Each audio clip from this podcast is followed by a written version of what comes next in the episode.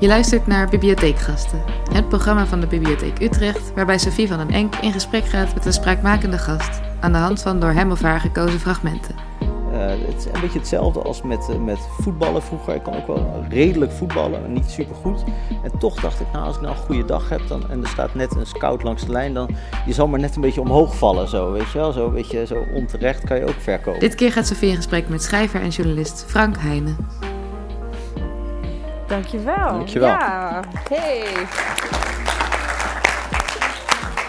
Als je dan de gelegenheid hebt om een, uh, om een zaal met applaus te horen, dan is dat eigenlijk gewoon ook heerlijk. Hè? Dat moeten we gewoon vieren.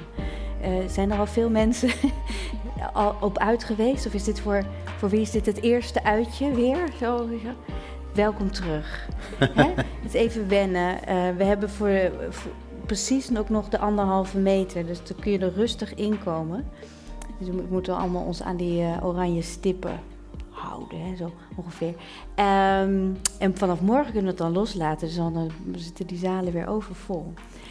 Hoe zit dat met jou, Frank? Heb jij, ben jij er alweer op uit? Want ik begrijp dat de theaters en de bioscopen allemaal nog een beetje aan het wachten zijn op op de, op, op de gasten? Ja, nou ja, je bedoelt of ik een van die gasten ben die Ja, ben, je uh, al, ben jij al over je, over je schroom heen? Nee, daar ben ik nog niet helemaal overheen. Bij bepaalde dingen die ik als uh, uh, noodzakelijk ervaar, die dat niet zijn, maar voor mij misschien wel een beetje, zoals het café... Uh, daar, heb ik het, uh, daar ben ik er inmiddels overheen. Maar, maar, en ja, natuurlijk het openbaar voer, wat, waar je al maandenlang uh, gewoon op elkaar gepropt van, van A naar B moet. Uh, daar heb ik het wel bij. Maar ik ben, ja, het is een beetje uit mijn systeem uh, vooralsnog. Ja. bioscoop en zo. Ik kan me echt niet heugen dat ik in een, in een bioscoop of in een theater was. Tot Jan Dik, ja. en het is nou toch Nederlands Filmfestival? Ja. Ga je daar dan films bekijken? Of, want je bent wel, we hebben ook een paar prachtige fragmenten. Sowieso, Frank heeft hele leuke fragmenten uitgekozen. We gaan zorgen dat we overal aan toe komen. Dus we heel goed, tempo heel hoog goed. houden.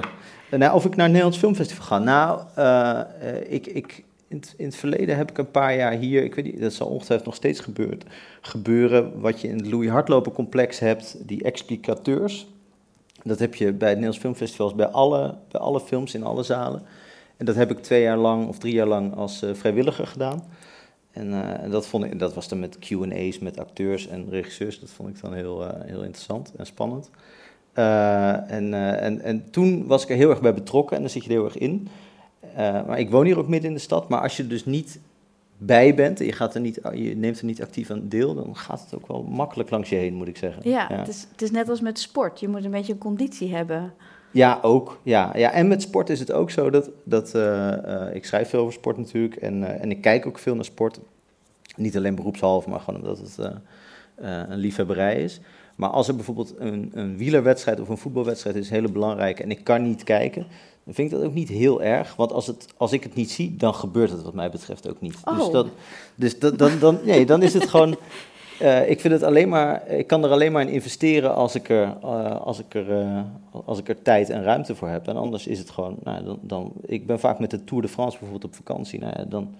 Vind, vind ik niet erg. Ja, soi. Oké. Okay. Ja, zoals ze ja. dat daar zeggen. Ja. Zoals ze dat daar zeggen, inderdaad. Dus je hebt dat, dat, dat Martin Bril motto, je mist meer dan je meemaakt, heb je goed kunnen omarmen. Ja, ja, denk het wel. En met, met sport is het echt zo dat dat, uh, dat bestaat ook een beetje op zichzelf. Dus, dus bijvoorbeeld wielrennen gaat natuurlijk wel eens een seizoen en dat loopt het hele jaar door.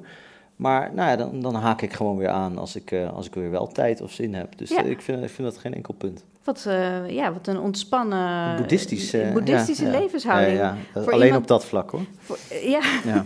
nou, de, de andere vlakken gaan we dan eh, lekker afpellen. tot, eh, totdat je eh, ja, echt eh, bij de kern bent. En je ben. heel erg eh, wanhopig eh, aan je FOMO bent overgeleverd. Ehm, maar je hebt een prachtig... En eh, het palet aan fragmenten dat je hebt gekozen... staat ook heel erg symbool, vind ik... Voor, voor, voor wie je bent, hoe je werkt, waar je over schrijft. Je hebt een hele brede kijk op de wereld... en ongelooflijk veel interesses. Ehm, en je hebt ook een goede manier gevonden om om te gaan met... dat er ook al heel veel geschreven is. Ja. Ehm, laten we even kijken naar het eerste fragment. Want je, in, die op, in dat opzicht ben je misschien geïnspireerd door eh, Geoff Dyer.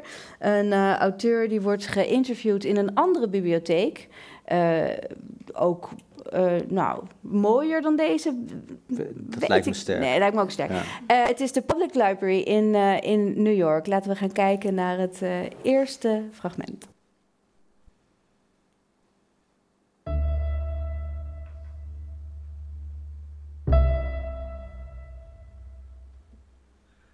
Zien een stukje uit een interview met Geoff Dyer over het shit-moment.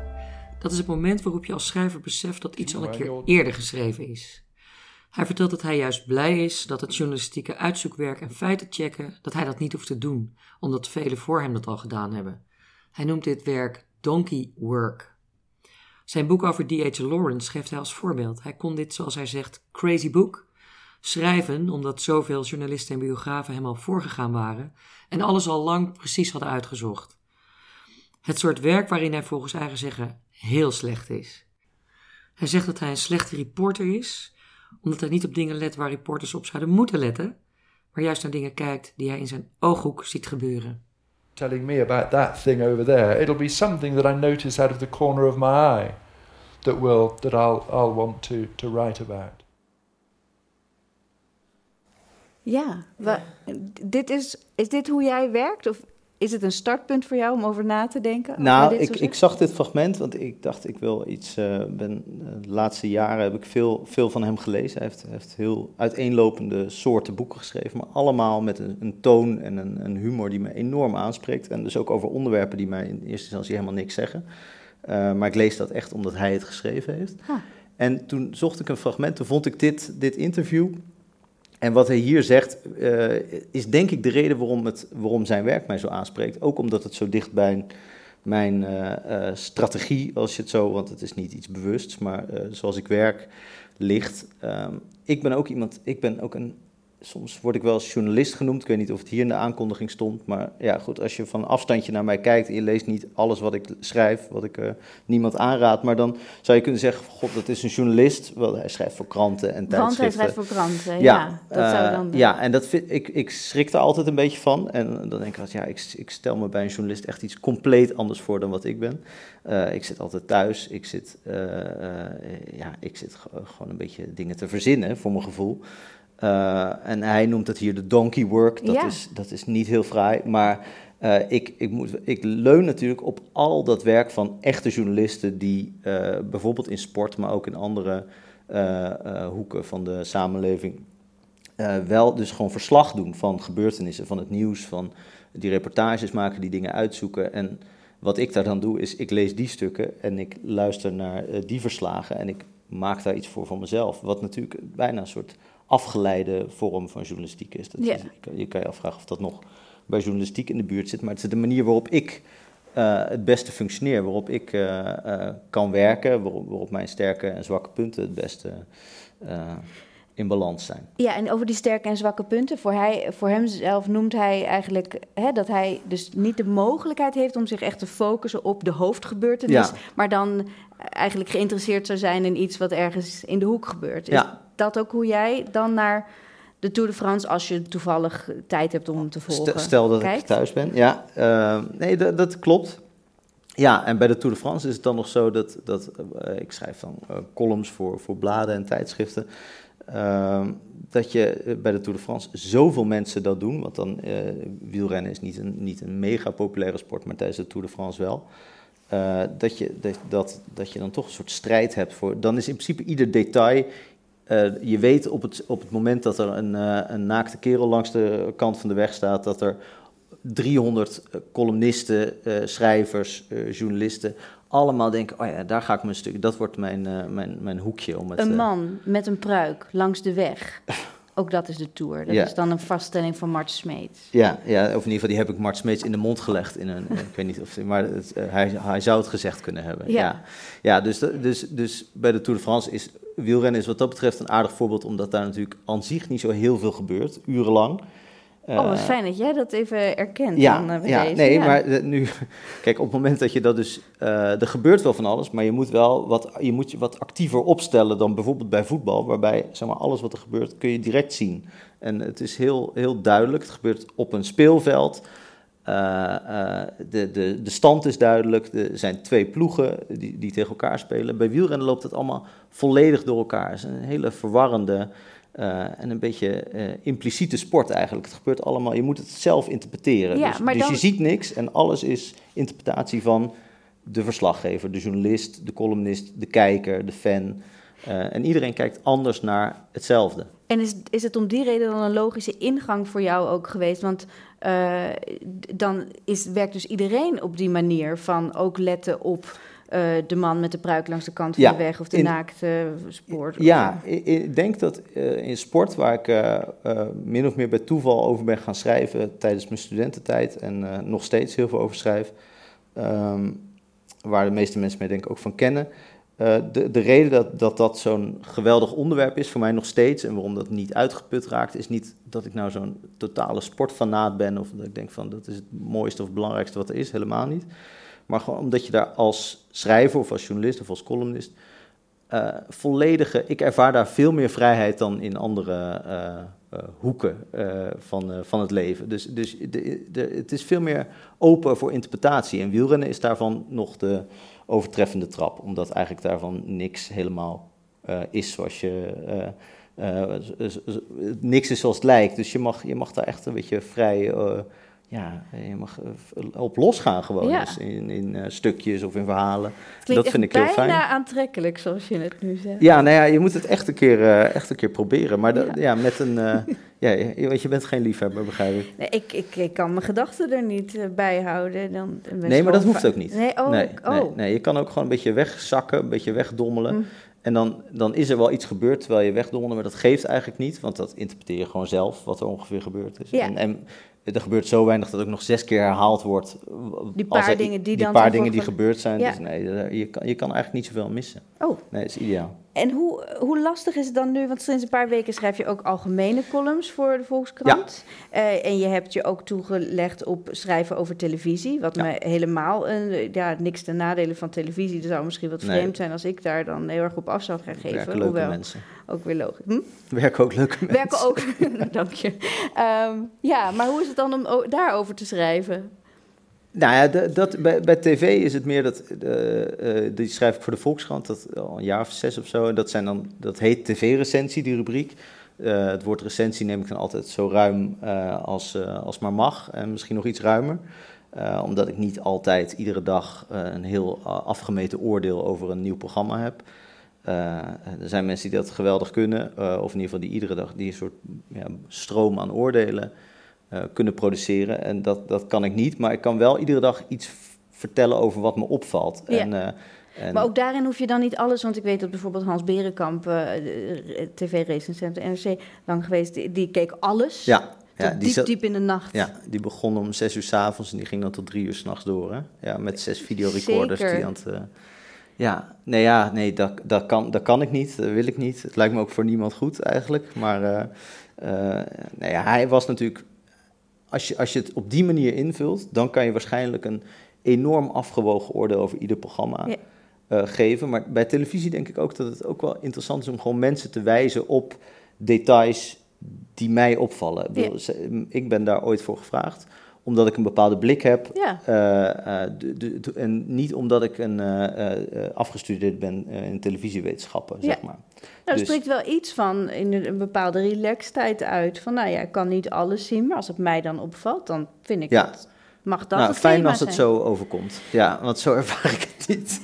Nee, ik, nee het is, ik, ben, ik ben me wel, ik wil het wel heel graag heel goed doen. Eh, eh, Zo'n stukje moet zo goed het beste stukje mogelijk zijn. Ja. Eh, daar doe ik enorm mijn best op. En daar ben ik ook echt tot het laatste moment mee aan het prutsen. En ik laat het lezen aan mensen. En dan krijg ik weer commentaar. En dan denk ik, nee, ik moet toch anders. En dus ik ben daar, het is, als ik dat moet doen, dat doe ik dan een week lang, iedere dag. Maar je bent geen aanmodderfokker. Bruggetje? Subtiel? Ja? Niet echt, hè? Nee? Eh, nee, ehm, we, eh, we gaan naar het, eh, het volgende fragment. Ook omdat het natuurlijk Nederlands Filmfestival Ja. is. En we toch wat mooie Gouden Kalfwinnaar is het ook geweest. De film Aanmodderfokker, wie weet hem nog? 2014. Allemaal gezien, niet wel?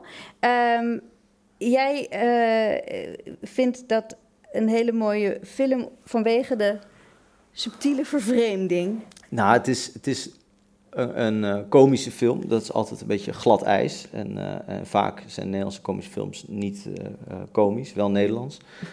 maar hier, dit is een van de weinige films. eigenlijk vind ik humor behoorlijk onderschat, ook in literatuur. En ook, ik probeer dat zelf in mijn stukjes ook te doen. In, in columns mag het vaak wel, maar als je dat in een roman gooit, dan is dat vaak, uh, vaak al lastiger. Vinden mensen het moeilijker te plaatsen. Maar hoezo onderschat? Onderschat als ding wat belangrijk is? Als belangrijk, ik vind dat heel belangrijk. Als ik drie keer gelachen heb in een, bij een film, dan, ben ik al, dan heb ik het er al uit, zeg maar. Dan uh, de, de anderhalf uur. Ja. ja, en dat is eigenlijk bij een boek ook. En bij een boek wordt, daar nooit, uh, wordt dat nooit als een argument om het een heel goed boek te vinden benoemd. Of, of, of, niet vaak genoeg, wat mij betreft. Ik vind Ja. het een heel belangrijk onderdeel van, van, van kunst en van cultuur. En uh, Amadafakka vind ik gewoon een waanzin. Moet, moet ik gewoon heel erg om lachen. Ik vind het een hele grappige film. Je moet dat nu niet te hoog, want straks is deze scène dan niet echt grappig genoeg. Is die niet grappig nou, genoeg? weet ik niet, maar... Nee, ja, maar ja, goed, nee, mensen, je moet natuurlijk nooit uh, iets zo losknippen en zo. Dat, Nee, dat- nee dat kon- de hele nooit. context heb je eigenlijk nodig. Ja. Maar eh, we, kunnen natuurlijk kijken naar de scène die we Mhm. zien, maar we kunnen ook letten op de achtergrond. Lijkt me beter. Ja. ja. Aan Modderfokker. Tim. Ik heb speciaal voor jou tonijnflapjes gemaakt. Leonie, ik heb expres niet ontbeten. Deze scène speelt zich overdag af in de tuin van het ouderlijke huis van hoofdpersoon Thijs, tijdens een feest voor zijn vader die net met pensioen gegaan is. Er zijn verschillende familieleden aanwezig waarmee Thijs heel ongemakkelijke gesprekjes voert, ook met zijn vader. Hoe gaat ie? vraagt zijn vader aan Thijs. Goed hoor, zegt Thijs. Met jou? Pensioen hè, zegt zijn vader. Dat is niet mis, zegt Thijs. Nee, dat is zeker niet mis, zegt zijn vader. In de achtergrond is een wat oudere man in een witte bandplooibroek en een roze trui aan het springen op een kindertrampoline. Pensioen nu? Ja, dat is niet mis. Nee, zeker niet mis.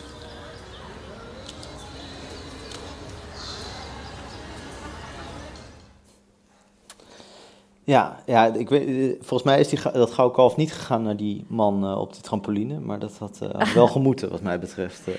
Echt ongelooflijk goed. Dat, wat wordt verder helemaal niet meer... Die, dat is helemaal geen rol verder. Dat is gewoon alleen maar een, eh, ja, een soort decorstuk. Ja. Ik vind het echt geweldig. ja, wat, de dialogen zijn heel goed. En in de film het is wel, wel ontroerend. Vooral grappig, maar ook een ontroerende film. Heel goed geschreven. Maar dit maakt het dan wel eh, eh, af, wat mij betreft. Ja. Dit, soort, dit soort beelden. Er zit ook iemand op eh, die in een Segway vol in een, in een DVD-rek rijdt. Ja, dat, En dat is dan op de achtergrond gebeurt ook verder, wordt verder niet. Volslagen random. Ja, ja, ja, daar, ja. ja. daar hou ik heel erg van. ja, Ja.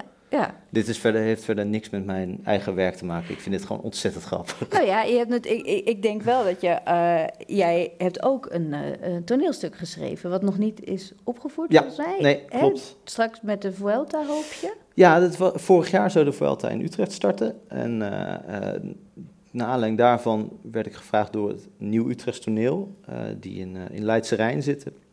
Heel leuk gezelschap waar, ik- waar, die ik al, waar ik al vaak eh, eh, heen was geweest, als, eh, als liefhebber gewoon. En die vroegen mij of ik een, een stuk over de Vuelta wilde schrijven eh, ehm, met, met twee act, voor twee acteurs. En één man met een roze trui. Er die staat sowieso één iemand. Ja, ja, precies. Ja. ja, dat wil ik zelf nog wel doen. Ja. Nee, maar nee, dus dat, eh, dat, zou, dat eh, zou opgevoerd eh, zijn op het Theaterfestival Boulevard en in Utrecht en Ja. in Den Bosch, waar de Vuelta ook zou komen. En nou, dat gaat nu volgend jaar alsnog gebeuren. In ieder geval die, die Vuelta start. En, en nu zijn we aan het kijken of dat stuk nog wordt opgevoerd. Maar goed, dat is een beetje uit mijn Ja. handen. Ja, En, eh, eh, en is dat dan ook uit je comfortzone als je daaraan begint? Omdat je, eh, of heb je dat bij je studie geleerd voor je gevoel? Hoe moet je, wat heb je eigenlijk van je studie geleerd? Heb je daar dialogen leren schrijven? Nee, ja, nee, ik- heb Nederlands gestudeerd. Eh, ik ben afgestudeerd moderne literatuur. Het is niet dat je daar eh, theaterstukken leert schrijven. Tenminste, toen ik afstudeerde nog niet. Ik denk nog steeds niet. Je, je, wat, wat ik daar vooral heb geleerd is op een, op een bepaalde analytische, niet per se vreugdevolle, maar wel handige manier naar teksten en naar verhalen kijken. Ehm, Nee, maar, maar zo'n, eh, dat schrijven en, en creatief schrijven en, en ook mooi schrijven, wat een beetje, een beetje een gore term is misschien, maar wat voor mij wel belangrijk is, gewoon dat, dat er mooie zinnen, eh, dat, dat ik mooie zinnen maak. Eh, dat werd, dat werd bij, bij mijn studie niet, niet hoog aangeslagen, laat ik het zo zeggen. Ja. Of dat werd wel belangrijk gevonden, maar niet voor studenten, laat ik Nee. het zo zeggen. Nee. Oh ja, dus dat kon je dan analyseren Ja, in het werk van anderen, Ja. maar hoe je dat voor jezelf dan... Nee, ja, het is to- toch een academische opleiding met, Ja. een, met een bijbehorende eh, jargon, zou ik maar zeggen. Ja, Ja. Dat, dat vond ik af en toe lastig, want ik schreef daarnaast ook al eh, voor de krant en eh, voor allerlei tijdschriften. En ik kreeg heel veel aardige dingen te horen over ja, hoe, hoe exuberanter ik schreef, hoe, hoe leuker mensen het vonden. En dan, als ik dan aan een nota begon, dan, kreeg, ja, dan kreeg ik dat terug vol met Ja. rode strepen. Ja. Ja, oké, want dan was dat... Nee, dat wa- was niet de bedoeling gewoon. En dat, ik snap ook wel achteraf waarom dat niet de bedoeling was, maar ik vond dat toen eh, mo- moeilijk te begrijpen. Ik had, Ja. eh, dacht toen ook van, ja, maar ja, je weet toch wel tegen wie je het hebt? Nee, nee. Hallo, ja, ik word een groot acteur. ja, precies. Nee, ja, dat, ik, dat, dat dacht ik niet concreet, maar misschien dat dat wel, terwijl ik bezig was, dat ik dat wel een beetje... Had je eh, zelfvertrouwen voelde. over je stijl? Ja, toen ja al? denk het wel. Ja. Maar, maar dus, ik had dus, eh, eh, die, op, op academisch gebied was die volstrekt misplaatst, eh, dat zelfvertrouwen. Ja. Ja. Nou ja, misschien... eh, ja, je bent ook niet gaan promoveren of zo. Nee, zeker hè, niet. dat, nee, nee, nee, er was, niemand, was geen enkele interesse voor, van geen enkele kant voor. Nee. Nee, dat vo- vond ik tijdens mijn studie ook grappig. Dat dan sommige mensen daarover ha- hadden, dat ze daar dan over benaderd waren of zo. Dat ik dacht, oh, hoe gaat dat dan zo kennelijk? En dat je ook realiseerde, oh, de- ja, bij, ik, ja, bij mij dus niet. Ja, nee, dat was, want ik dacht ook wel dat ik eh, een redelijke student, ik was ook geen, geen briljante student, eh, eh, dat, dat, dat, dat zeker niet. En ik was ook niet de meest, meest hardwerkende student. Eh, maar Kan dat per toeval omhoog vallen? nee, dat, dat was mijn fantasie, dat Ja, kan natuurlijk ja. niet. Nee. Het is gewoon met heel erg hard werken, volgens mij, dat, dat je nu succesvol bent en, eh, en nog steeds groeit in je, in je stijl. En, eh, Ja, nee, ik, ik werk in ieder geval wel voor mijn gevoel heel hard. Er zijn natuurlijk heel veel mensen die hard werken en die niet allerlei dingen mogen doen die ik wel mag doen. Dus, dus het, is, eh, het zal ongetwijfeld een onderdeel ervan zijn, maar het is natuurlijk niet een soort zaligmakend iets. Ik ken heel veel mensen die heel hard werken en, en, eh, en alsnog denken van waarom krijg ik niet die plek in de Volkskrant die, die hij nu toegeschoven krijgt. En, en die mensen zijn nou, minstens zo goed als ik. Dus Ja. dat is toch niet helemaal op hard werken eh, af te schuiven alleen. Alleen. Eh, nou, waarop dan wel, daar komen we misschien nog achter. Wie heel hard werkt, en dat zie je ook heel mooi in de serie, is Yunus Khan. Ja. En eh, Anissa in de onvolprezen serie van Human Klassen. Ehm, ja, over kansen, Ja. gelijkheid en ongelijkheid. Laten we eerst even kijken.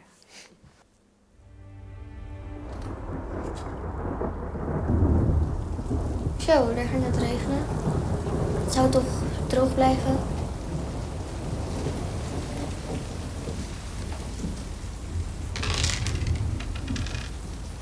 Ik woon officieel bij mijn moeder, maar ik woon eigenlijk bij mijn opa en oma. Want daar zit mijn school en ik heb mijn eigen kamer, ik heb mijn eigen vrienden. En dat wil ik niet opgeven. We zien twee fragmenten uit deze serie. Het eerste fragment is met Anissa, die niet kan wachten om met haar laatste schooljaar te beginnen. Anissa woont bij haar opa en oma, die het zowel financieel als op gebied van hun gezondheid moeilijk hebben, maar waar ze wel gelukkig is. Anissa is ook gelukkig op school met haar lieve juf Jolanda en heeft advies HAVO-VWO. De vraag is of zij dat gaat redden in een omgeving waarin niemand haar kan helpen met leren. Hetzelfde geldt voor Yunuskan. In het tweede fragment zien we hem thuis met het hele gezin aan de salontafel eten. Zijn moeder en stiefvader spreken niet of niet goed Nederlands. Als alle familieleden naar een bruiloft zijn, gaat Yunuskan Nederlandse woordjes oefenen. Want hij wil heel graag een goed schooladvies krijgen na de basisschool. Het moet nu gebeuren, zegt hij, want je leeft maar één keer je leven. Hij doet dit elke dag tussen 9 en 10 uur 's avonds, als alle familieleden met iets anders bezig zijn. Nu oefent hij met de zin: Deventer was in de Gouden Eeuw de belangrijkste handelsstad. En hij spreekt Deventer uit als de Venter. Hij moet de betekenis van het woord handelsstad invullen op de computer. Dan kijkt hij blij op van achter het beeldscherm, steekt zijn arm in de lucht, want hij heeft het goed. de, vent, uh, de Venter was in de Gouden Eeuw een belangrijkste handelsstad. Wat betekent het onderstreepte woord handelsstad? Ik heb het goed. Yes, hij heeft het goed. De Venter. De Venter, ja. ja. Ja, dit... waarom was dit zo spot on voor jou? Nou, ja, meerdere redenen. Ik, eh, ik schrijf dus al jaren over televisie en, uh, en met veel plezier. Maar het is soms ook wel uh, moeilijk omdat je, uh, je bent een beetje afhankelijk van de actualiteit. Dus je schrijft over wat er in principe de vorige dag of in ieder geval die week aan de hand is op televisie. En, en soms is er gewoon niet zoveel aan de hand. Dat komt best wel eens voor. Of niet dingen waarvan je echt helemaal een beetje in vuur en vlam staat. En dit, dit zag ik voordat het op televisie was, de eerste twee, drie afleveringen. En toen dacht ik meteen, dit is echt waanzinnig. Dit vond ik zo goed, uh, zo mooi. Ik denk dat heel veel mensen het ook wel gezien hebben of hebben teruggekeken. Um, uh, ja, ik vond dit echt een van de beste dingen die ik zeg maar als tv-kijker, maar ook gewoon lang daarvoor überhaupt ooit op televisie heb gezien. Omdat en je mocht het, voor de troepen uit ontdekken? Je mocht het voor de troepen uitzien, dus dan ben je ook wel een beetje, uh, denk je van, ja, is dit nou heel particulier dat ik dit zo mooi vind, weet je wel? Dan ben je altijd even, dus ik had al, ik had al iets afgeschreven uh, voordat het op televisie kwam en je kon zien wat de reacties verder waren. Wat goed is, want daardoor kan je ook uh, heel enthousiast zijn over iets wat verder, waar andere mensen misschien niet zo, of wat andere, andere mensen voorbij gaat. Maar nu was ook gewoon, ja, iedereen was meteen verkocht. En met name natuurlijk voor, die, voor de, in ieder geval deze twee kinderen waren echt natuurlijk, uh, die, die stalen de show. Uh, Anissa yeah. is, uh, staat volgens mij ook daarna nog een keer bij op één. Ik denk ook wel de, logisch dat ze hen kozen, omdat ze zo ontzettend ontroerend zijn in hun ambitie. En, hun, en je, en, je, ziet ook gewoon hoe ze allebei hun eigen kant op gaan. Ondanks je, je ziet iets gebeuren wat je misschien liever niet ziet gebeuren in die serie. Namelijk dat bij die Anissa, wat een ontzettend slim meisje is, de omstandigheden zo moeizaam zijn dat ze vermoedelijk niet alles uit, de, uit haar capaciteiten zal gaan halen. Ja. Tenminste, dat, dat is, zo, zo eindigt de serie een beetje met die, ja, vind ik vrij dramatische vaststelling. Dat is ja. dus kinderen die dus allemaal op zo'n school ontzettend hun best doen. Ja, jij fantaseerde over per ongeluk omhoog vallen en zij vallen per ongeluk omlaag. Ja, ja nee, maar dat, ja, je, je, je voelt het aan alles gebeuren, zeg maar. En bij Yunusham, toevallig een uh, goede vriend van mij, die heeft een uh, onderwijspodcast. En die had Yunushan een paar maanden geleden in zijn, uh, had hij die geïnterviewd. En daar gaat het heel erg goed mee. Die is nog steeds de hele dag, ieder vrij moment, alles aan het opzoeken wat hij niet weet. En, yes. ja, alle, ja, precies. En heel, heel fanatiek en ja. heel enthousiast. Uh, en ja, de, die, die doet dat, die, bij hem lukt het wel. Um, bij Anissa weet ik trouwens niet hoor. Maar dat, de, de suggestie van het einde van de serie was dat het moeilijk zou worden. Ja. Dat vond ik echt. Uh, en, en het goede aan die serie is uh, dat daar ook een soort uh, enorme maatschappelijke ja, noodzaak wordt blootgelegd. Mm -hmm. zeg maar, de, de, de, de kansongelijkheid natuurlijk wordt daar, ja, wordt, wordt, krijgt zo'n duidelijk gezicht met die ja. kinderen. Uh, dat je denkt, ja, het is gewoon een heel goed verhaal wat wordt verteld. Het is, uh, wordt heel goed gespeeld met muziek, met beelden, met voice-overs. Dus, dus, het is gewoon een goed product, zeg maar. Maar er mm. wordt ook daar iets heel moois mee gedaan. Of er wordt iets heel goeds mee aangekaart. Ja. Marjolein Moorman, die ook in die serie zit, wethouder onderwijs in Amsterdam. Ja, dat, die is echt een soort uh, beroemdheid geworden door die serie ja. ook. Ja, ja. en vind je dan ook um, dat je word je wel eens in de verleiding gebracht dan om jouw werk nog een stap verder te brengen. We gaan uh, straks naar Julie Zee. Ja. Dat is een Duitse auteur, maar zij is ook rechter en ook politiek actief. Ja. Uh, word je door zo'n serie in de verleiding gebracht je nog meer uit te spreken dan, dan het engagement wat al spreekt uit, uit je werk sowieso, denk ik? Ja, Nee, ik denk dat er ook uit mijn werk wel, uh, wel engagement spreekt. En, uh, zeg maar, het, het buiten uh, sportwerk in ieder geval. Hoewel misschien ook wel in de sport. Ik schrijf over voetbal en daar gaat het best wel vaak over hoe, hoe het voetbal langzaam een soort rare kermis van, van sheiks en anderhalve garen is geworden. En, en alle problematische bijeffecten daarvan. Dus dat, dat, ja, dat, daar zitten niet alle voetbalfans op te wachten trouwens, hm. dat ik dat schrijf. Maar, ja. Um, maar nee, ja, een stap verder zou dan zijn een stap buiten, de, buiten het schrijven, zeg maar. En dat, eh, ik geloof dat dit de manier is waarop ik iets kan doen. En dit, dat hier mijn eh, talent ligt. En, eh, en dat, dat, dat je bijvoorbeeld op televisie, wat een veel groter medium is, waar, waar je kan zeggen, nou ik ga ook zo'n re- documentaire serie proberen. En zo. Nee, ik denk gewoon niet dat dat mijn, mijn forte is. Ik denk dat, dat ik be- beter de beste versie van, van mezelf zoals ik hem nu ben kan worden dan, eh, dan het eh, roer om te gooien om meer te bereiken. Ja, of nog verder te verbreden. Nog verder te verbreden, ja. ja want het is natuurlijk een beetje... eh, ik, moet er, ik twijfel er wel eens over, omdat het natuurlijk... eh, er zit iets heel egocentrisch in mijn werk natuurlijk. Je bent gewoon, je zit, ik zit veel alleen. Het gaat over mijn gedachten, mijn perceptie. naar wat Jeff, Geoff Dyer net zei. Andere mensen eh, doen het vuile werk, min of meer. En ik mag daar de mooie eh, stukjes van maken. Ja, en dus da- daar zit natuurlijk ook iets, iets, eh, iets beperkts in. Dat be- ben ik me ook wel van bewust. Maar ja, dat is ook de beperking waar, waar ik het mee te doen heb, zeg maar. Dat, ik geloof wel dat ik, dat ik het door heb waar mijn kracht en mijn zwaktes liggen. Ja, ja. Oké, nou dan is het goed. Ehm, eh, Ik word geen rechter, bijvoorbeeld. Nee, je wordt geen rechter, dank Nee. je. Eh, zoals inderdaad eh Julie Tse, dat is een, een Duitse dame, dus auteur, maar ook rechter.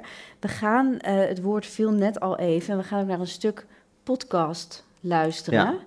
Het is, eh, ja, je luistert hem niet even weg, deze, eh, in de Nee. trein van eh, Utrecht naar Amsterdam. Van Utrecht naar Venetië red red je het misschien. Ja. Ja.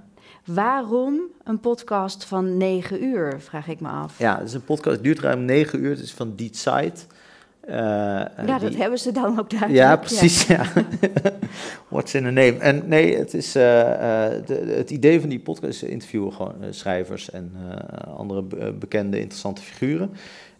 Ik ging dat luisteren omdat ik die, de romans van Julie Tse heel interessant en mooi en goed vind. Eh, dus ik dacht, nou, dat lijkt me leuk. En toen zag ik dat die negen uur duurde. En het blijkt dat die, eh, het, uitgangspunt van die podcast is... er wordt een soort woord afgesproken aan het begin van het, eh, van de, van het gesprek. Een soort codewoord. En als de geïnterviewde dat zegt, houdt het gesprek onmiddellijk op.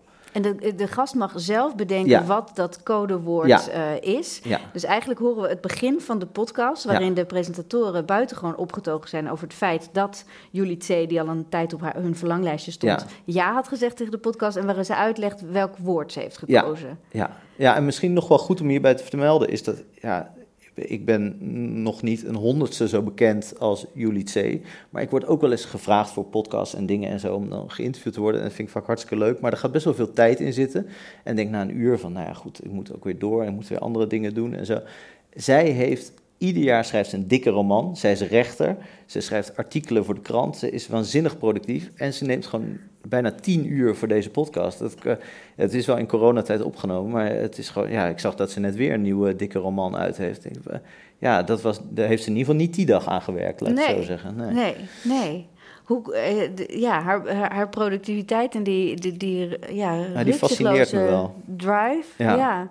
Maar jij hebt toch ook een enorme productiviteit? Vind Ja. je dat je meer zou moeten doen? Nee, misschien dat ik er wel zo blijmoedig bij zou willen zijn als Julie T. eh, erbij klinkt. Dat Oké. klinkt er ook nog eens heel opgewekt en ontspannen bij. Dat Nou. lijkt me wel heerlijk. Voor eh, een stukje Duits. Ja, voor de liefhebber.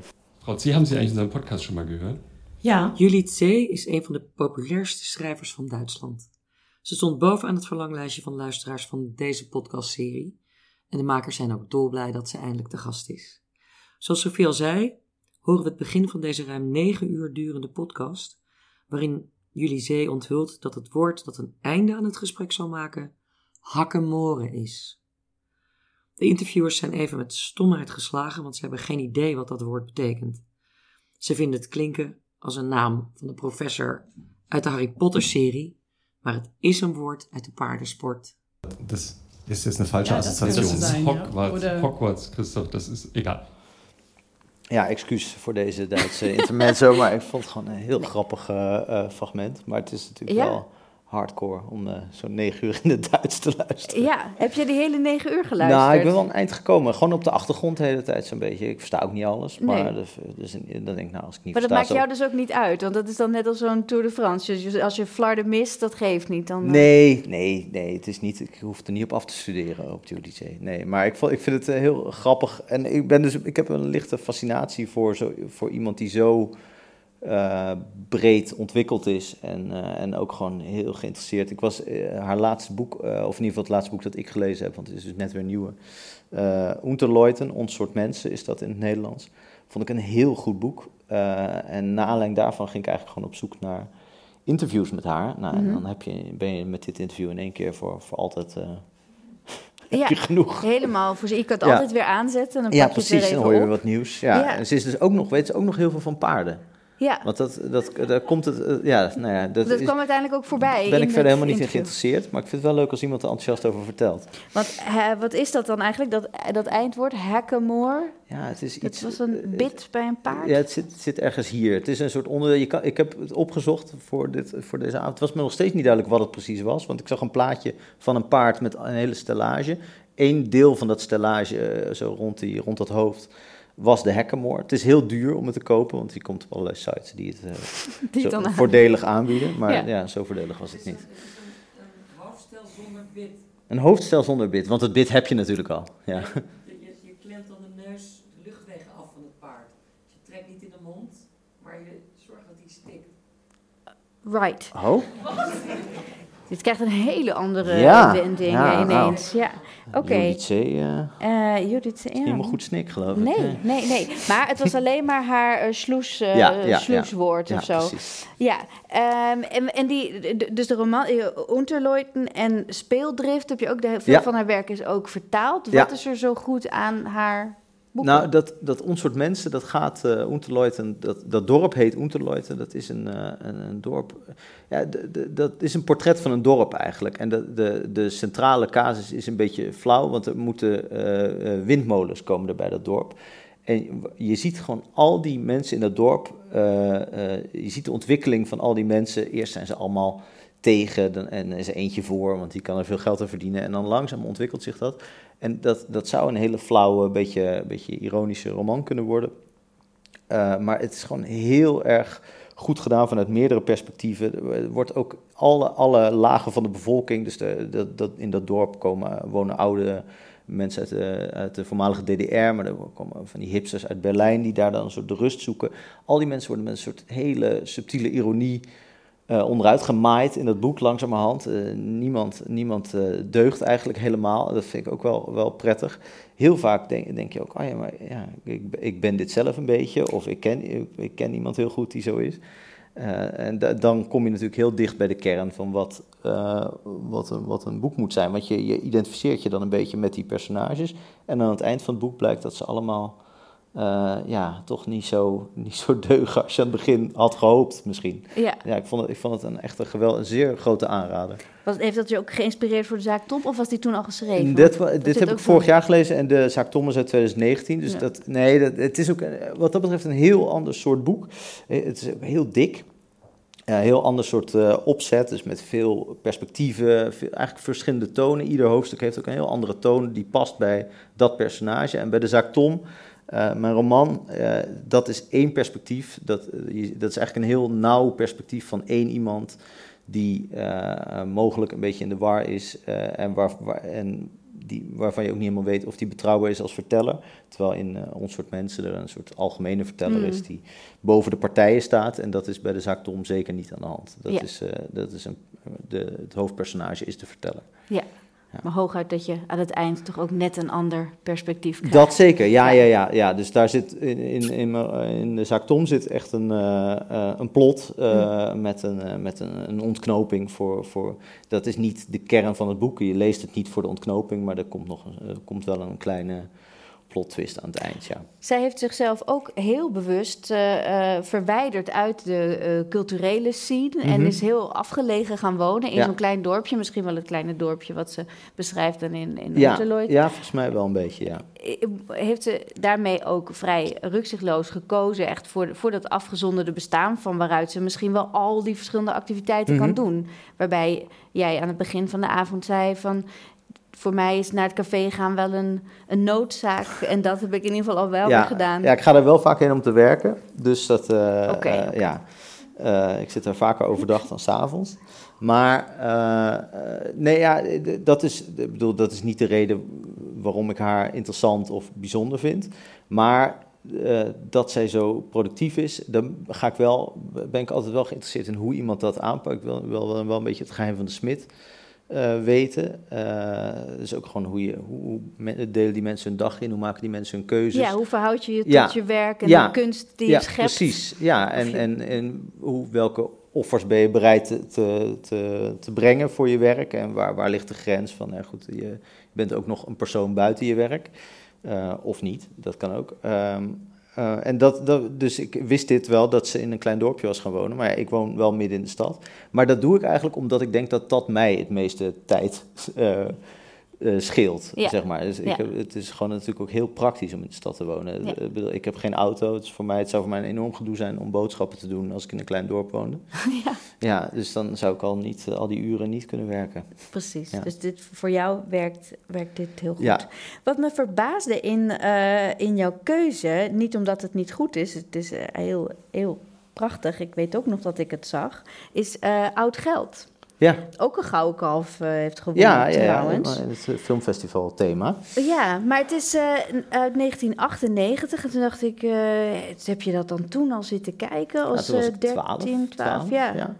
Ja, dat heb ik toen gekeken, ja. Op echt iedere, me- met mijn moeder iedere week. was één aflevering per week. En Ja. keken we dat iedere week, ja. En- En, daarna ook nog meerdere keren in zijn geheel opnieuw bekeken. Wat ik eigenlijk zelden doe, want dat vind ik zonde. Want er zijn zo, eh, te veel mooie dingen om eh, al te veel eh, opnieuw te bekijken. Maar hiervan, hier krijg ik nooit genoeg van Waarom niet? omdat, ja, ik vind het, nou deze scène is waanzinnig goed, maar gewoon de hele serie, dat is ook nou, een beetje vergelijkbaar met dat Ons soort mensen. Het is zo, eh, zoveel verschillende perspectieven, zoveel verschillende werelden die eigenlijk worden. Het is niet alleen de wereld van het oude geld, dus van zo'n rijke bankiersfamilie, maar er, wordt, er worden allemaal wereldjes aangestipt, de wereld van de kunsthandel, de wereld Mhm. van de weet je, de, de, de popmuziek of de tweede popmuziek van de marge. En eh, nou ja, goed, dat, ik vind dat allemaal heel goed gedaan. Er wordt waanzinnig in geacteerd. Eh, ik, ik vind het soms best wel moeilijk om naar Nederlandse producties te kijken, omdat je alle acteurs al honderd keer kent en uit duizend reclames. En, Ja. en enkeling heb je wel eens ontmoet. En eh, dan is wat mij betreft de hele magie ook om zeep, Hmm. eigenlijk. Maar hierbij kan ik dat, heb ik dat helemaal niet. Nee, Nee. Dit, dit, dit stijgt echt wat mij betreft uit boven, boven praktisch alles wat ik eh, daarna ook nog gezien heb. Ik vind Ja. het heel goed geschreven, heel goed gespeeld. Ja. Echt, van A tot Z. Absoluut. We kijken naar de monoloog van Carine Krutse. Ehm, die een moeder speelt wiens eh, zoon is overleden. Ja, ja, dit is best wel een moment aan het einde. Het is bekend voor mensen die de serie kennen, is dit echt een soort eh, eh, klassiek moment aan het einde van de serie. Een soort eh eh, k- catharsis-achtig moment. Maar het is, het is eh, ja, eh, het staat op zich is het al mooi, maar de hele opbouw, want er zitten denk ik misschien wel veertien afleveringen van, van drie kwartier voor of zo. Eh, dan komt het echt eh, komt het nog wat eh, logisch en komt Ja. het nog een stuk harder aan. Maar ja. Het is inderdaad heel lang een bijna onbesproken thema. En hier Ja, gaan precies, ineens alle Ja. sluizen open. En Ja. krijg, kijk je recht haar hart Ja, in. geweldig geschreven, ook door Maria Goos natuurlijk. Uiteraard. We zien de monoloog van Carine Krutse die 's ochtends heel vroeg uit bed is gekomen omdat zij haar man en zwager dronken hoorde thuiskomen na een lange nacht stappen. Ze zit in pyjama op de bank en vertelt hoe het rouwproces verlopen is sinds de dood van hun 14-jarige zoontje. Hij raakte dodelijk gewond toen hij tijdens het skateboarden met zijn hoofd op een betonblok viel. De grootste fout die zij direct na zijn dood gemaakt hebben, was alles opruimen wat van hem was. Zijn kamer, zijn kleren en al zijn spullen hebben ze meteen weggedaan. Ze hebben zijn as niet bewaard en er is dus ook geen graf. Ze zegt: Mijn god, wat heb ik daar een spijt van. Geen plek om naartoe te gaan. We hadden alles zo moeten laten. Elk papiertje dat onder zijn bureau vandaan kwam, hadden we moeten koesteren.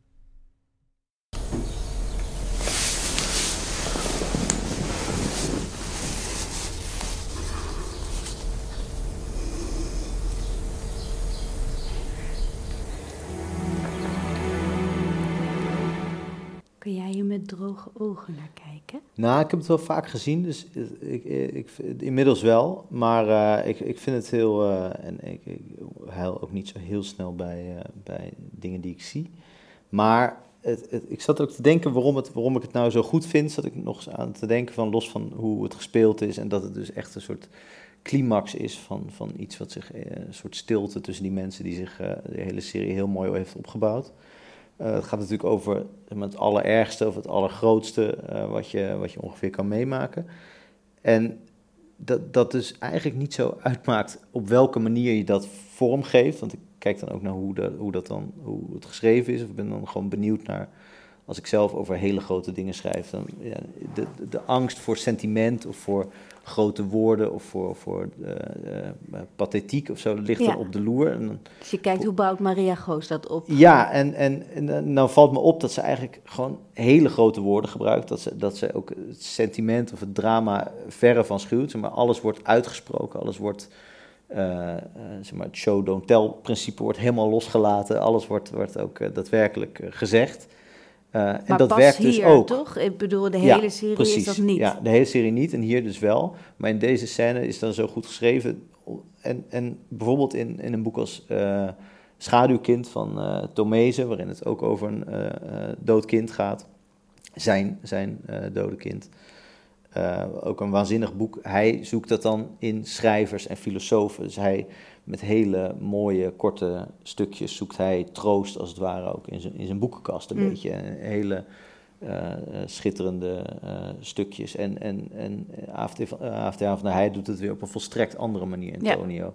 Dus je, je merkt van, er is niet een soort, soort vaste, eh vastomlijnde manier waarop je zo'n groot onderwerp kunt behandelen. Ieder heeft daar zijn, zijn manieren voor, of technieken voor, want dat zijn het natuurlijk gewoon. En, en al die manieren kunnen werken als je het maar goed, goed doet, zeg maar. Ja. Dit is, vind ik, heel goed gedaan. En geeft en, want die, die, die grote woorden, dat klinkt alsof je dan eigenlijk dacht dat dat niet zou mogen nee, of niet nee, ja, zou dat zou ik, als ik zelf over dat soort onderwerpen schrijf, bedoel, dit, dit is eh, fictie, en, eh, eh, maar ook in, in, in columns of in, nou ja, het komt er eens voor bijvoorbeeld dat er iemand in het, in het wielrennen iemand doodvalt, helaas.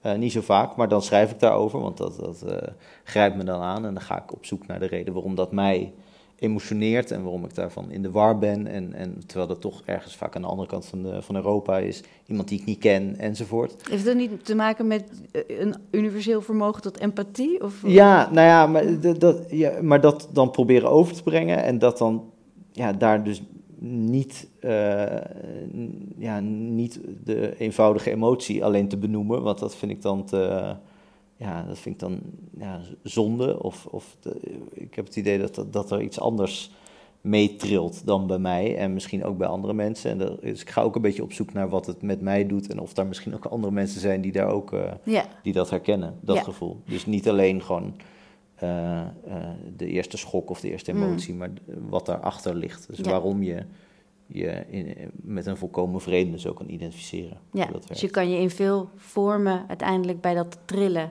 uitkomen. Ja, Dit ja kan een manier zijn. wat dat betreft zijn dit soort dingen ook leerzaam. Eh, dus dat ik nu dit zie en denk van, oh ja, maar zij gebruikt gewoon woorden als schuld en paniek en dood. En, en zo.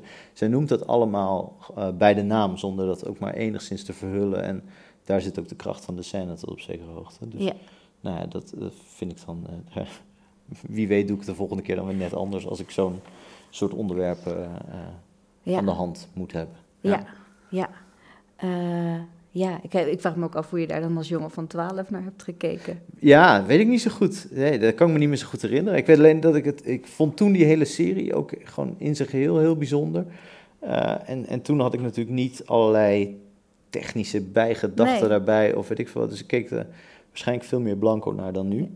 En zoveel mijn- volwassen series had ik toen ook nog niet gezien, Nee. volwassen films. Dus ja. jouw moeder dacht, dit is wel een moment... Ik keek het ook met mijn moeder mee. En Ja. ik weet dat mijn moeder dit een hele mooie scène vond. En Ja, dat ik het dus via haar een hele mooie scène vond. Dat ik zelf nog niet zo'n mening over had. Oh ja. Ja, ja misschien, dat zou o- om een onbewust ook nog... Ja. eh, ik zal het eens vragen. Ja, nou ja, is goed geweest voor je vorming. Hoe Ja, zeker, ja. Ehm, ik zat te- soms be- hobbelt het scherm een klein beetje. Het is een, klein, het is een hele subtiele ode aan de man op de trampoline bij Ja, ons in het, in het decor. Ja, nu is gewoon niet zie gaat hij. trillen. Soms gaat hij zo. Oh ja, ja. Een beetje op en neer. Eh, want we gaan naar het Harkfest. Oh ja. Oh, dat Eh, vind ik leuk. Ja, Dit ja, is echt, ehm, ja, als, als we eh Jiskevet-fans in de zaal hebben... of eh, enigszins aanhangers van welke vorm van absurdisme dan ook... en je kent dit nog niet, dan, eh, ja, dan staat je iets leuks te Ja, wachten. dan heb je nog een leuk weekend eh, voor de boeg. Ja. Dan kun je dit, kun je dit binge-watchen. Eh, eh, wil je het zelf introduceren? Ja, het, zal, we- het is, het eigenlijk niet te introduceren. Het is, nou, kijk, heel veel mensen, eh, en mensen in de zaal denk ik voor een groot deel ook wel, eh, hebben wel ooit een filmpje van deze jongen gezien, deze jongens, eh Jordi-film.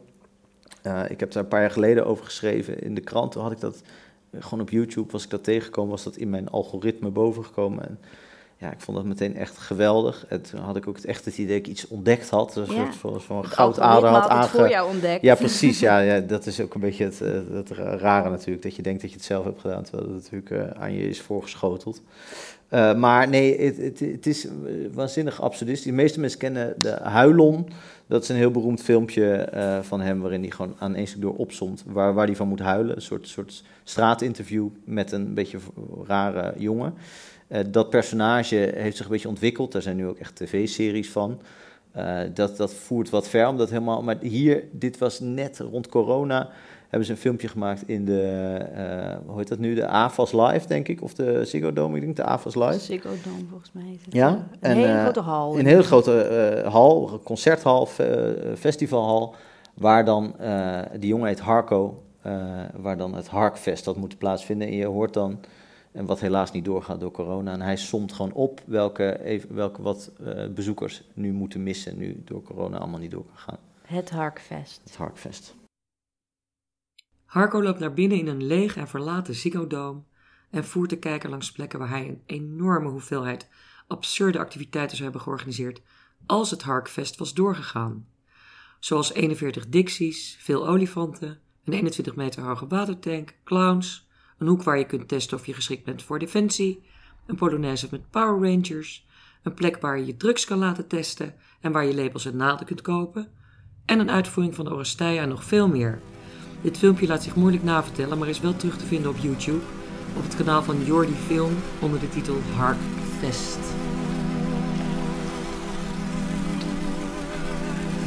Nee. Dat kan helemaal niet.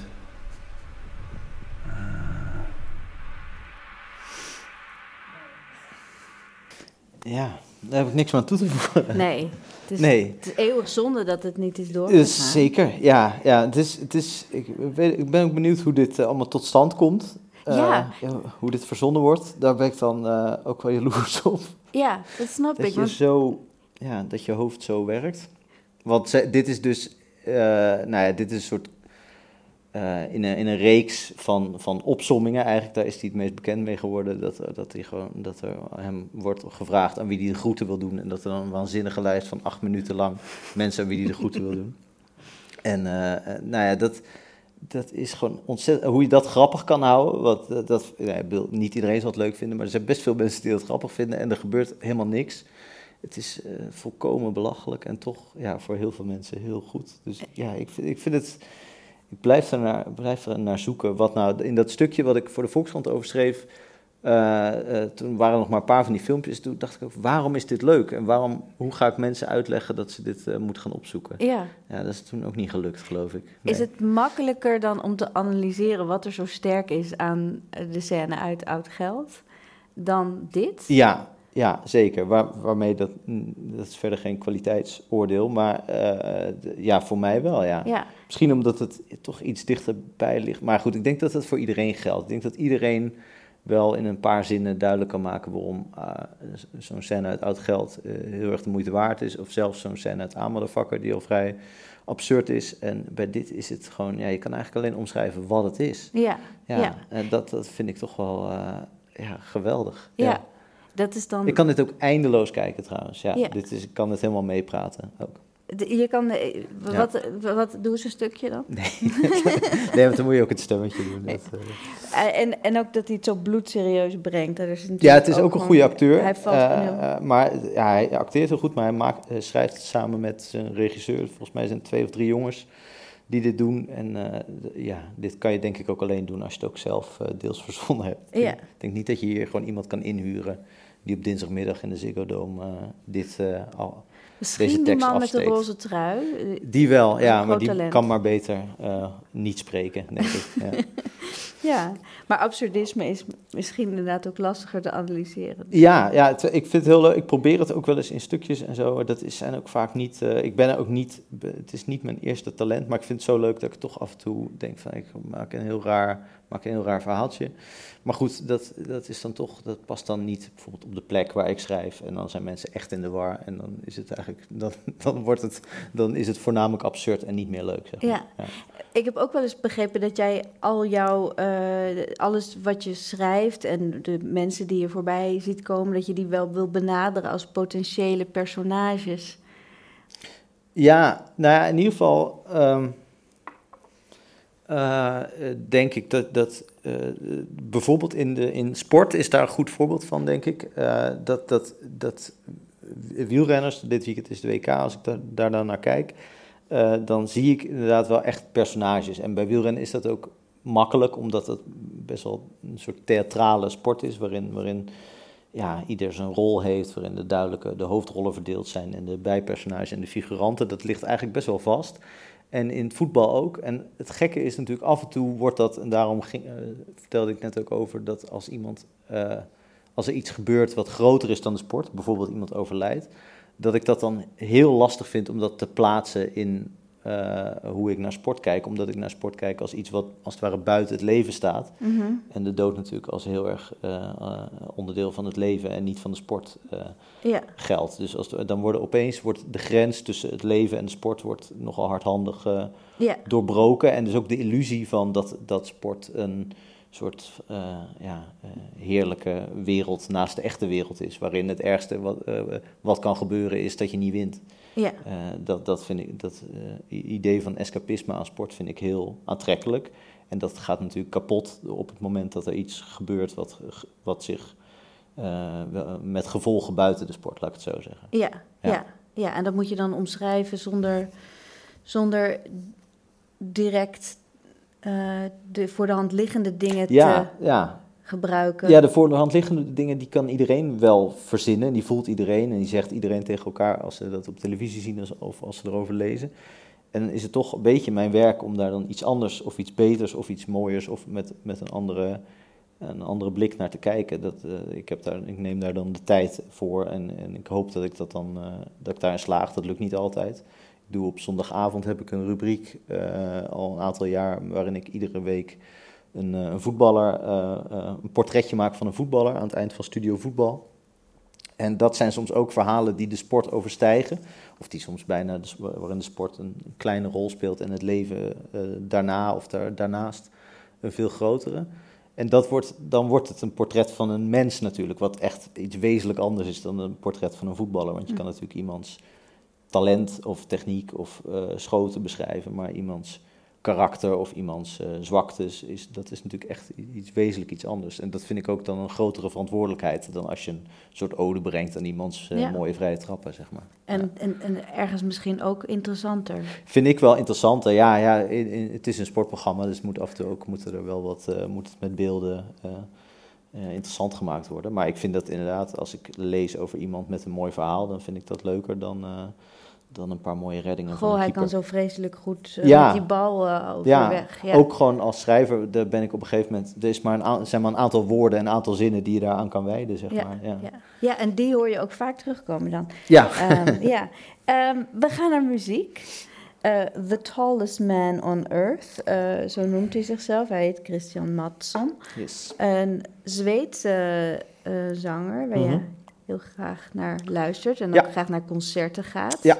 Hij zou niet op Harkfest eh, staan, tenminste, dat hoorde ik niet. Nee, hoewel hij, wel een beetje, hij is wel een beetje een absurd figuur. Dus, maar hij zou dan niet gaan zingen. Hij zou dan iets anders doen, denk Ja. ik. Maar hij- ik denk wel dat hij, dat hij in is voor om als clown iets te doen, bijvoorbeeld. Ja. Ja. Je hoort in zijn muziek veel rafelrandjes. En, en- Nogal, en- ja. ehm, eh, ja, misschien moeten we eerst naar hem luisteren of wil je eventjes... Nee, we kunnen wel eerst naar hem luisteren. Het is een goed, ik weet niet of het helemaal te verstaan is. Ik denk het wel. Het, is, eh, het nummer is Dark is Home. En dat, nou, ja, het is volgens mij, ik weet niet welk festival, maar het is een groot festival eh, waar hij optreedt. En het Mm. is een heel dramatisch nummer. En op een gegeven moment begint iedereen te klappen. En je ziet hoe, hoe, hoezeer hem dat ergert. Dat is Ja. een, ja. Dus dat benoemt hij ook even. Dat, het Dat benoemt hij even, ja. Dan zegt hij, eh, it's about a divorce, please don't clap. Maar dat, dat hoort niemand. Nee, maar wij weten het nu, dus wij Ja. horen het. We zien de registratie van een live-uitvoering van het nummer Dark Bird is Home van The Tallest Man on Earth tijdens Rock Werchter in België in 2015. Ook dit filmpje is terug te vinden op YouTube. Nou, dan heb je toch iets moois overgehouden aan de scheiding. Ja, ja zeker. Ja, ja, hij treedt ook nog met zijn ex-vrouw nog heel veel op. Dus eh, ze zijn, eh, het, is niet, het is niet heel verdrietig. Maar, Oh, oké. maar, dus mogen in eh, ieder geval niet klappen erover. Nee, nee, nee, nee, nee, nee. Maar het is, het is een wonderlijk, wonderlijk figuur. En ik, ik, ik vind zijn muziek heel mooi en ik, ik luister er al jaren naar. En op een gegeven moment dacht ik, ik wil zo iemand die, die heel ver van mij afstaat, maar ook heel dichtbij. Want ik, ik ervaar daar heel veel plezier en, en genot bij om naar zijn muziek te luisteren. Ik dacht, ja, ik kan natuurlijk gewoon zo, eh, proberen zo iemand te ontmoeten. Gewoon alleen al om een beetje te kijken ja, of ik op de een of andere manier de kunst kan afkijken van, van ja, ik ben geen muzikant, maar ik wil wel weten hoe zeg maar, die intensiteit, hoe dat werkt en wat Ja. dat voor iemand is en wat Want er hij- voor figuur achter zit. Werkt en leeft heel compromisloos voor de kunst. Ja, ja. En dat wilde je afkijken. Of ja, ik wilde daar gewoon niet? dichtbij komen Ja. op de een of andere manier. Zoals heel veel mensen natuurlijk ook gewoon dichtbij uh, artiesten willen zijn. Had- Maar je ik dacht, wil tot ook- Jan Dik, ik ben schrijver. Ja, ik kan, ik kan dat misschien regelen. En, Ja. eh, en toen heb ik dus eh, eh, namens de Volkskrant eh, een, eh, eh, een ja, echt niet namens de Volkskrant. Ik heb gewoon gezegd dat ik van de Volkskrant was. En dacht ik, nou, dat- dat verkoop ik dan later nog wel een keer. eh, of niet, maar dan eh, ben ik inmiddels geweest. Het bleek dat zijn tourmanager een Nederlander is. Eh, die, eh, die dat leuk vond. Dus toen ben ik twee dagen met hem in België eh mee geweest. Dus met zijn, met zijn tour, of in ieder geval, hij trad twee dagen op in Antwerpen. Daar was ik twee dagen bij. En dat, dat, bedoel, dat is helemaal niet bijzonder. Dat gebeurt, pop, popjournalisten doen niet anders. Ja. Maar voor mij was dat echt een soort uitzonderlijk iets. Ook voor, überhaupt om mijn werkkamer uit te komen en, en op pad te gaan. En Ja. dichtbij iemand te komen. En ook te denken van, ja, want hij zei dit, het, eh, when are you gonna do the interview? En toen dacht ik, ja, ik hoef helemaal geen interview. Ik wil er gewoon een beetje bij, eh, bij hangen. Ja. En wanneer had hij door dat hij eigenlijk gewoon met een met een Met een stalker te had maken voor- had. Ja, Eh, dat we- weet ik niet zeker. Ja, er was wel ook, er was een fotograaf wel door de krant ook gestuurd, dus dat, toen kreeg het wel een soort officieel karakter. Toen dacht ik, Ja. er moet ook echt een stuk komen. Ja. En uh, uh, dus daar ging hij ook voor poseren en zo. En, en toen hebben we daarna zei hij, ja, we moeten maar koffie gaan drinken, want je wil waarschijnlijk nog allerlei dingen vragen, maar ik had niet heel, heel veel vragen voorbereid, zo, maar ik wilde gewoon met hem praten. Ik wilde Ja. natuurlijk eigenlijk gewoon vrienden worden. Ja, Ja, en is Ja. dat gelukt dan? Nee, dat is niet gelukt. Nee. Nee. ik heb, uh, ik heb uh, de, de, een van de twee motto's in mijn roman uh, aan dit nummer Zeker. overgehouden. This is not the end. No, this is fine. Ja, ja dus dat, is, uh, dat, dat, heeft met, dat, dat paste heel goed bij de thematiek van, van het boek. Heb je hem dat laten weten dan? Uh, dat heb ik aan die manager laten weten. Ja, ja, ja. ja. Oh, ja. Maar dat is, ver, dat is, nee, maar je moet dat ook. Dat is natuurlijk gewoon een kinderachtige verlangen. En ik wilde er eigenlijk ook gewoon een goed verhaal van maken. En bij mezelf nagaan waarom ik wat hij, wat hij en wat zijn muziek met mij doen en waarom ik dat zo interessant vind. En dat, ik heb dat al eens eerder gedaan in de krant met een regisseur van kinderfilms van heel lang geleden. Uh, uh, Limburgse kinderfilms, of Limburg, het zijn Nederlandse kinderfilms, maar in Zuid-Limburg opgenomen in de jaren uh, 50 en 60. Uh, met een mini-budget en met alleen maar kinderen uit zijn eigen straat. Die regisseur heeft een waanzinnig oeuvre. Henk van der Linden heet hij.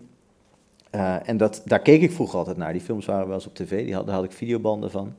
Uh, mijn vader nam die dan op en die keek ik dan eindeloos. Het waren een beetje slapstick-achtige kinderfilms, dus van Pietje Bel en uh, en Shimmy en allemaal dat soort verhalen. Die Mhm. waren gewoon naar zeg maar, het Zuid-Limburgse Heuvelland verplaatst. En daar waren, waren anderhalf uur achtervolgingen met boeven en dan was het weer klaar. Dus het was echt Spannend, ja. niet heel spannend. Ja, nee, het, ik vond het fantastisch. Maar, eh, maar ik wilde die man ook gewoon een keer ontmoeten. Ik dacht, wie is nou die man die dat, Die dat heeft gemaakt. die dat maakt? Ja, en dit, dit was eigenlijk een soort eh, vervolg daarop. De hoe- ontmoeting met de Tallest Man.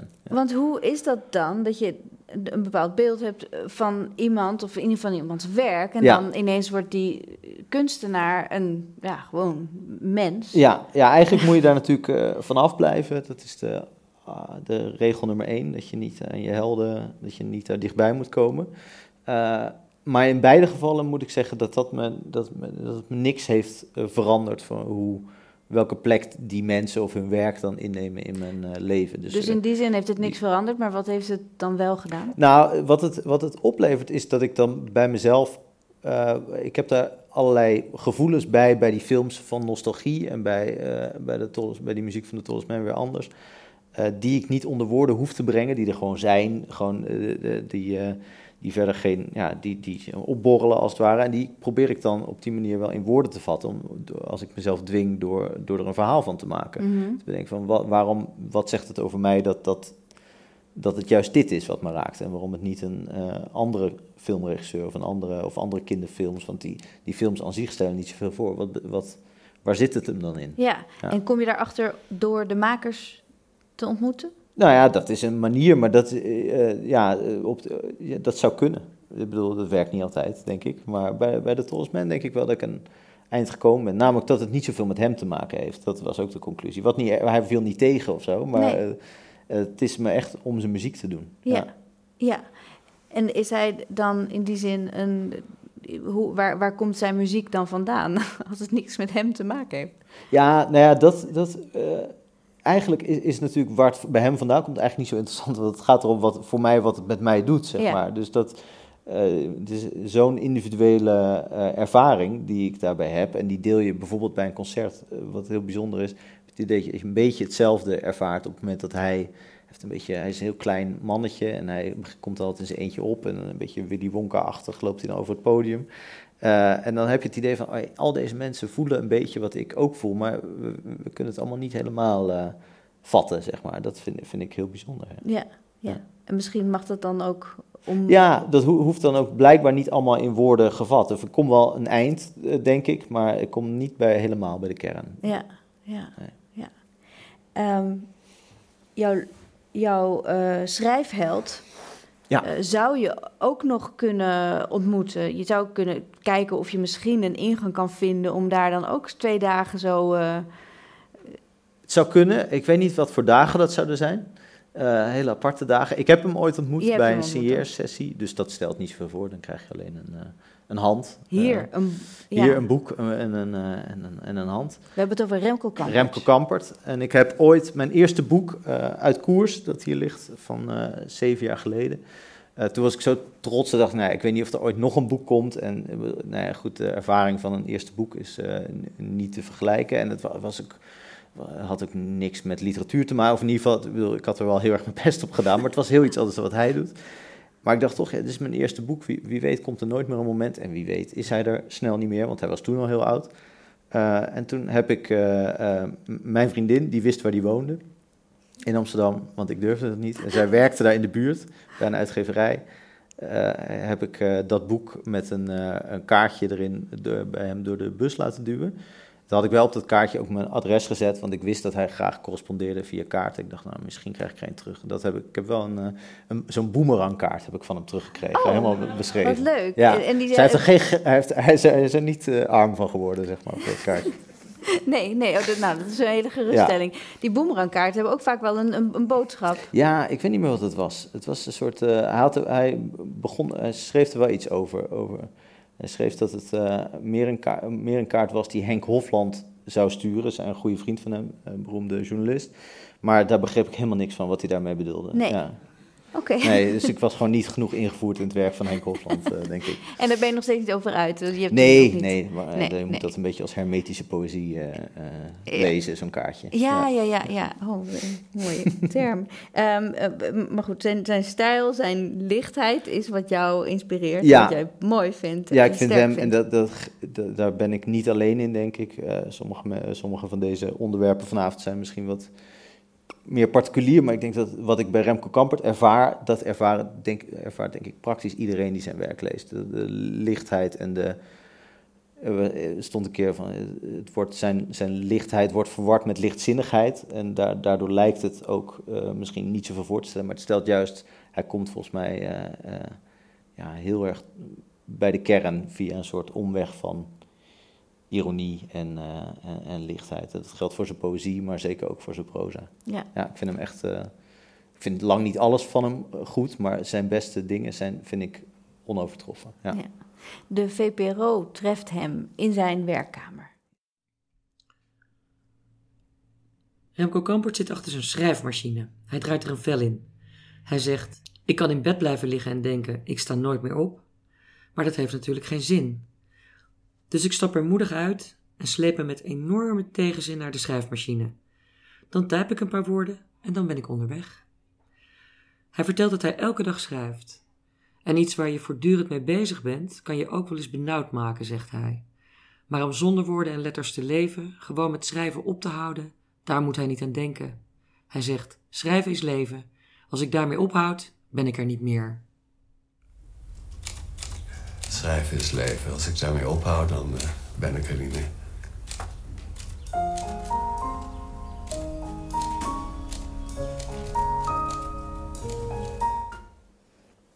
Ja, ik vond dit een eh, hele treffende formulering. Zo zou ik hem graag ook. eh, Schrijven is leven. Nou, met name alles wat hij daarvoor zegt. Dus de, dat schrijven is leven is misschien een wat, wat eh, bouwde samenvatting van Mm. eigenlijk wat hij daarvoor heeft gezegd. Namelijk dat, dat, dat het begin van schrijven, dat ervaar ik ook denk ik heel erg zo. En ik denk praktisch iedereen die iets maakt van, eh, en begint met, met niks. Mhm.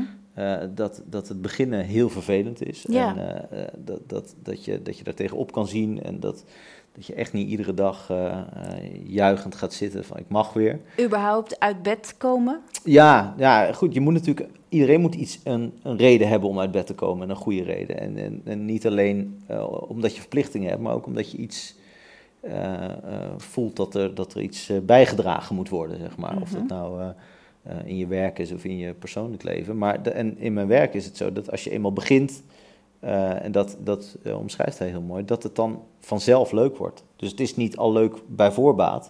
En achteraf is het ook niet altijd leuk, want dan moet je het gaan teruglezen of dan krijg je reacties. Dat zijn allemaal niet.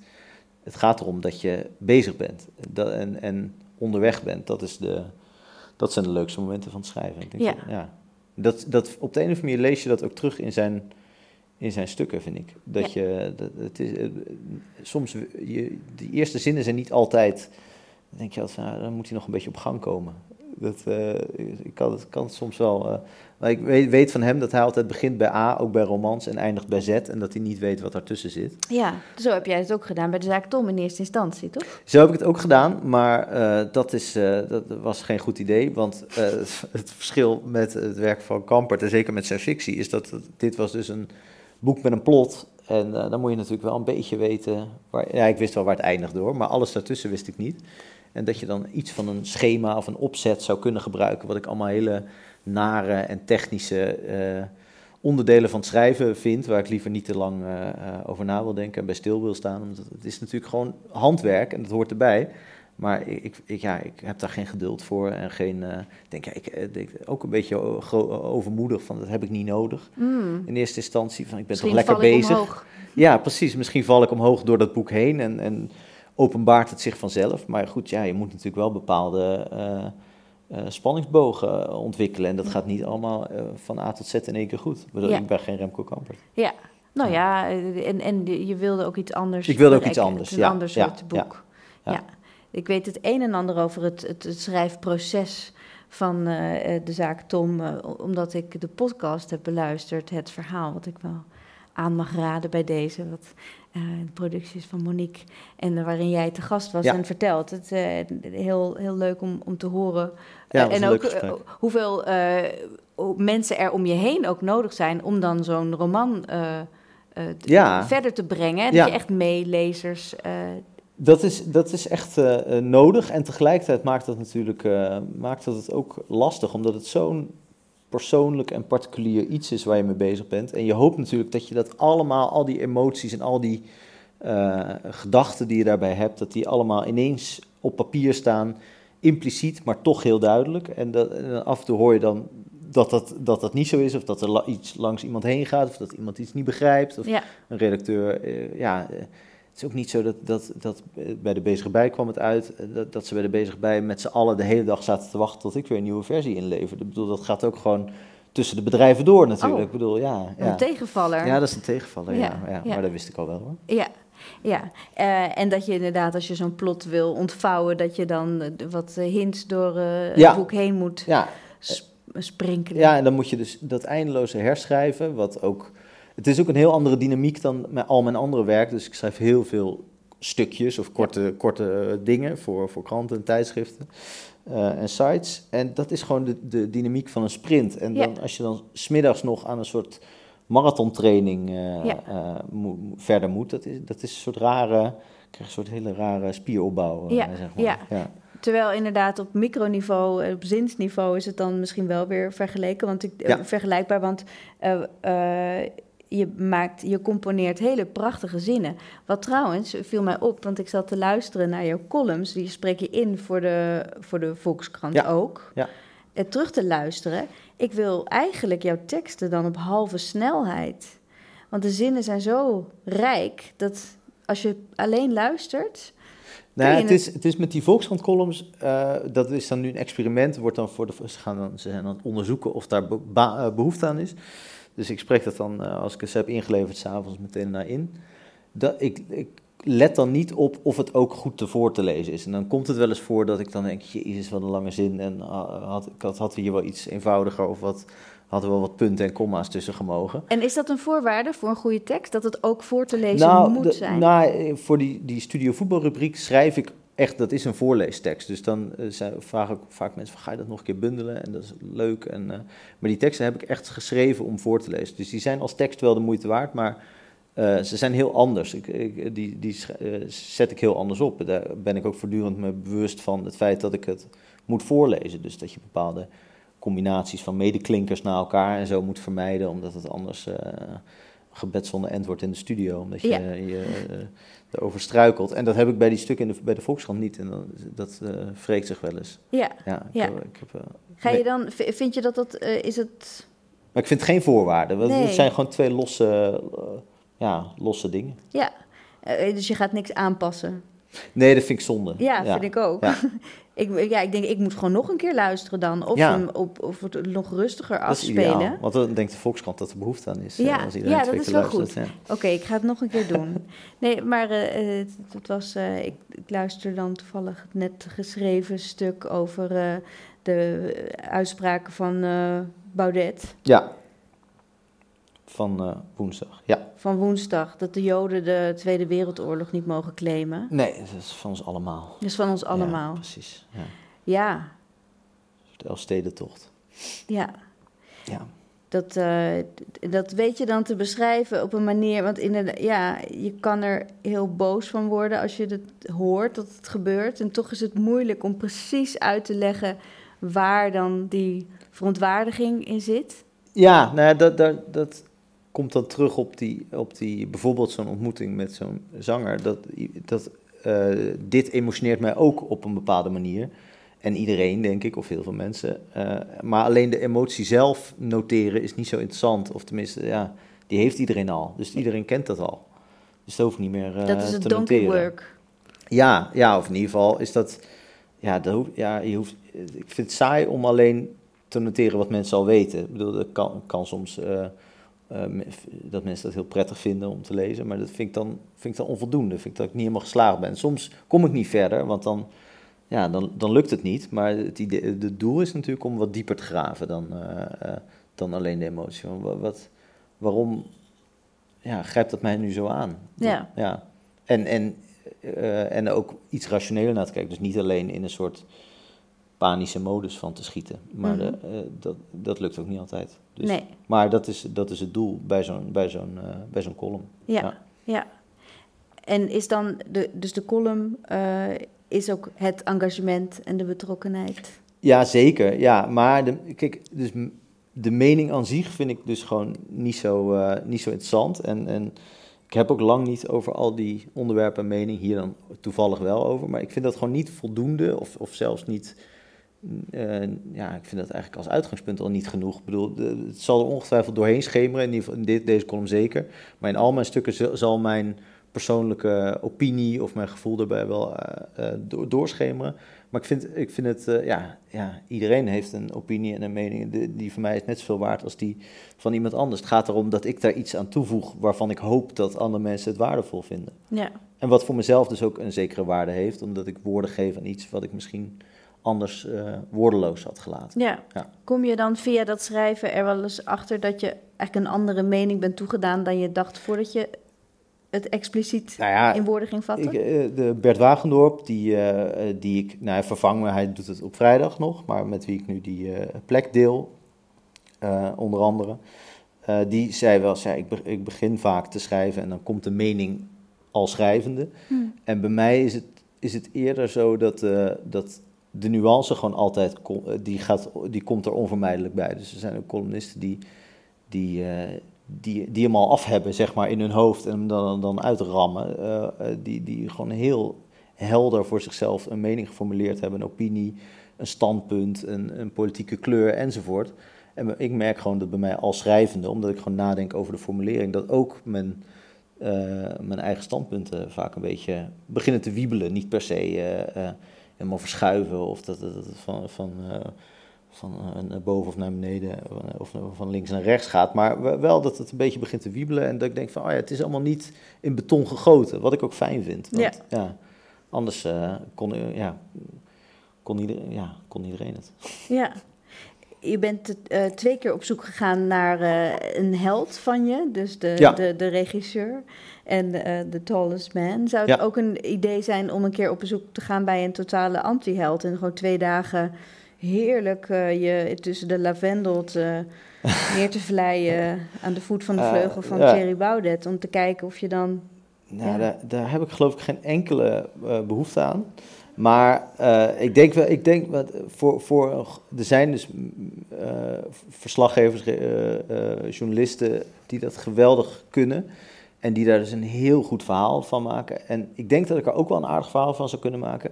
Maar dat is heel erg. Ik geloof niet dat ik het ervoor over zou hebben om dan twee dagen. Dus ik Nee, ook- het is ook wel een hele hoge prijs. Om ja, te ja, maar ook, ook voor mensen die ik, bedoel, dit is, ik ben geen fan, maar ook met iemand waar ik misschien iets minder eh, problemen mee heb, zou ik het ook al gedoe vinden. Ik, Ja. ik vind, ik vind het ook wel gedoe allemaal. Ja. Ja, laat jou maar lekker eh, particulier. Ja, en op het je- moment dat ik die afstand bewaar, eh, heb ik ook het idee dat ik het wat helderder zie. Want als je dicht bij iemand komt, ja, dan, alle mensen vallen een beetje mee als je, als je er waar dichtbij genoeg komt. En dat is natuurlijk niet, dat, je wilt ook gewoon, het vertroebelt ook de, je blik. Ja, Kan, Het kan het ook verhelderen, dat, dat, maar het, eh, ja, ik ben ook geneigd om dan opeens eh, persoonlijke eh, ja, ongemakken te eh, een rol te laten spelen, bijvoorbeeld in, in een oordeel, wat natuurlijk niet, eh, wat, wat niet wenselijk is. Nee, nee, nee, nee. Wat dat betreft spelen we met vuur natuurlijk, met de lengte van dit gesprek al. Zeker. Eh, eh, hoe is het met de persoonlijke ongemakken? Uitstekend. Eh, Oké. Ja. Eh, dankjewel. Jij Heel bedankt. erg fijn dat je bij ons wilde zijn als bibliotheekgast Frank Heijnen. Je luisterde naar Bibliotheekgasten van de podcast Biep Piep van de Bibliotheek Utrecht. Graag tot gauw in onze theaterzaal.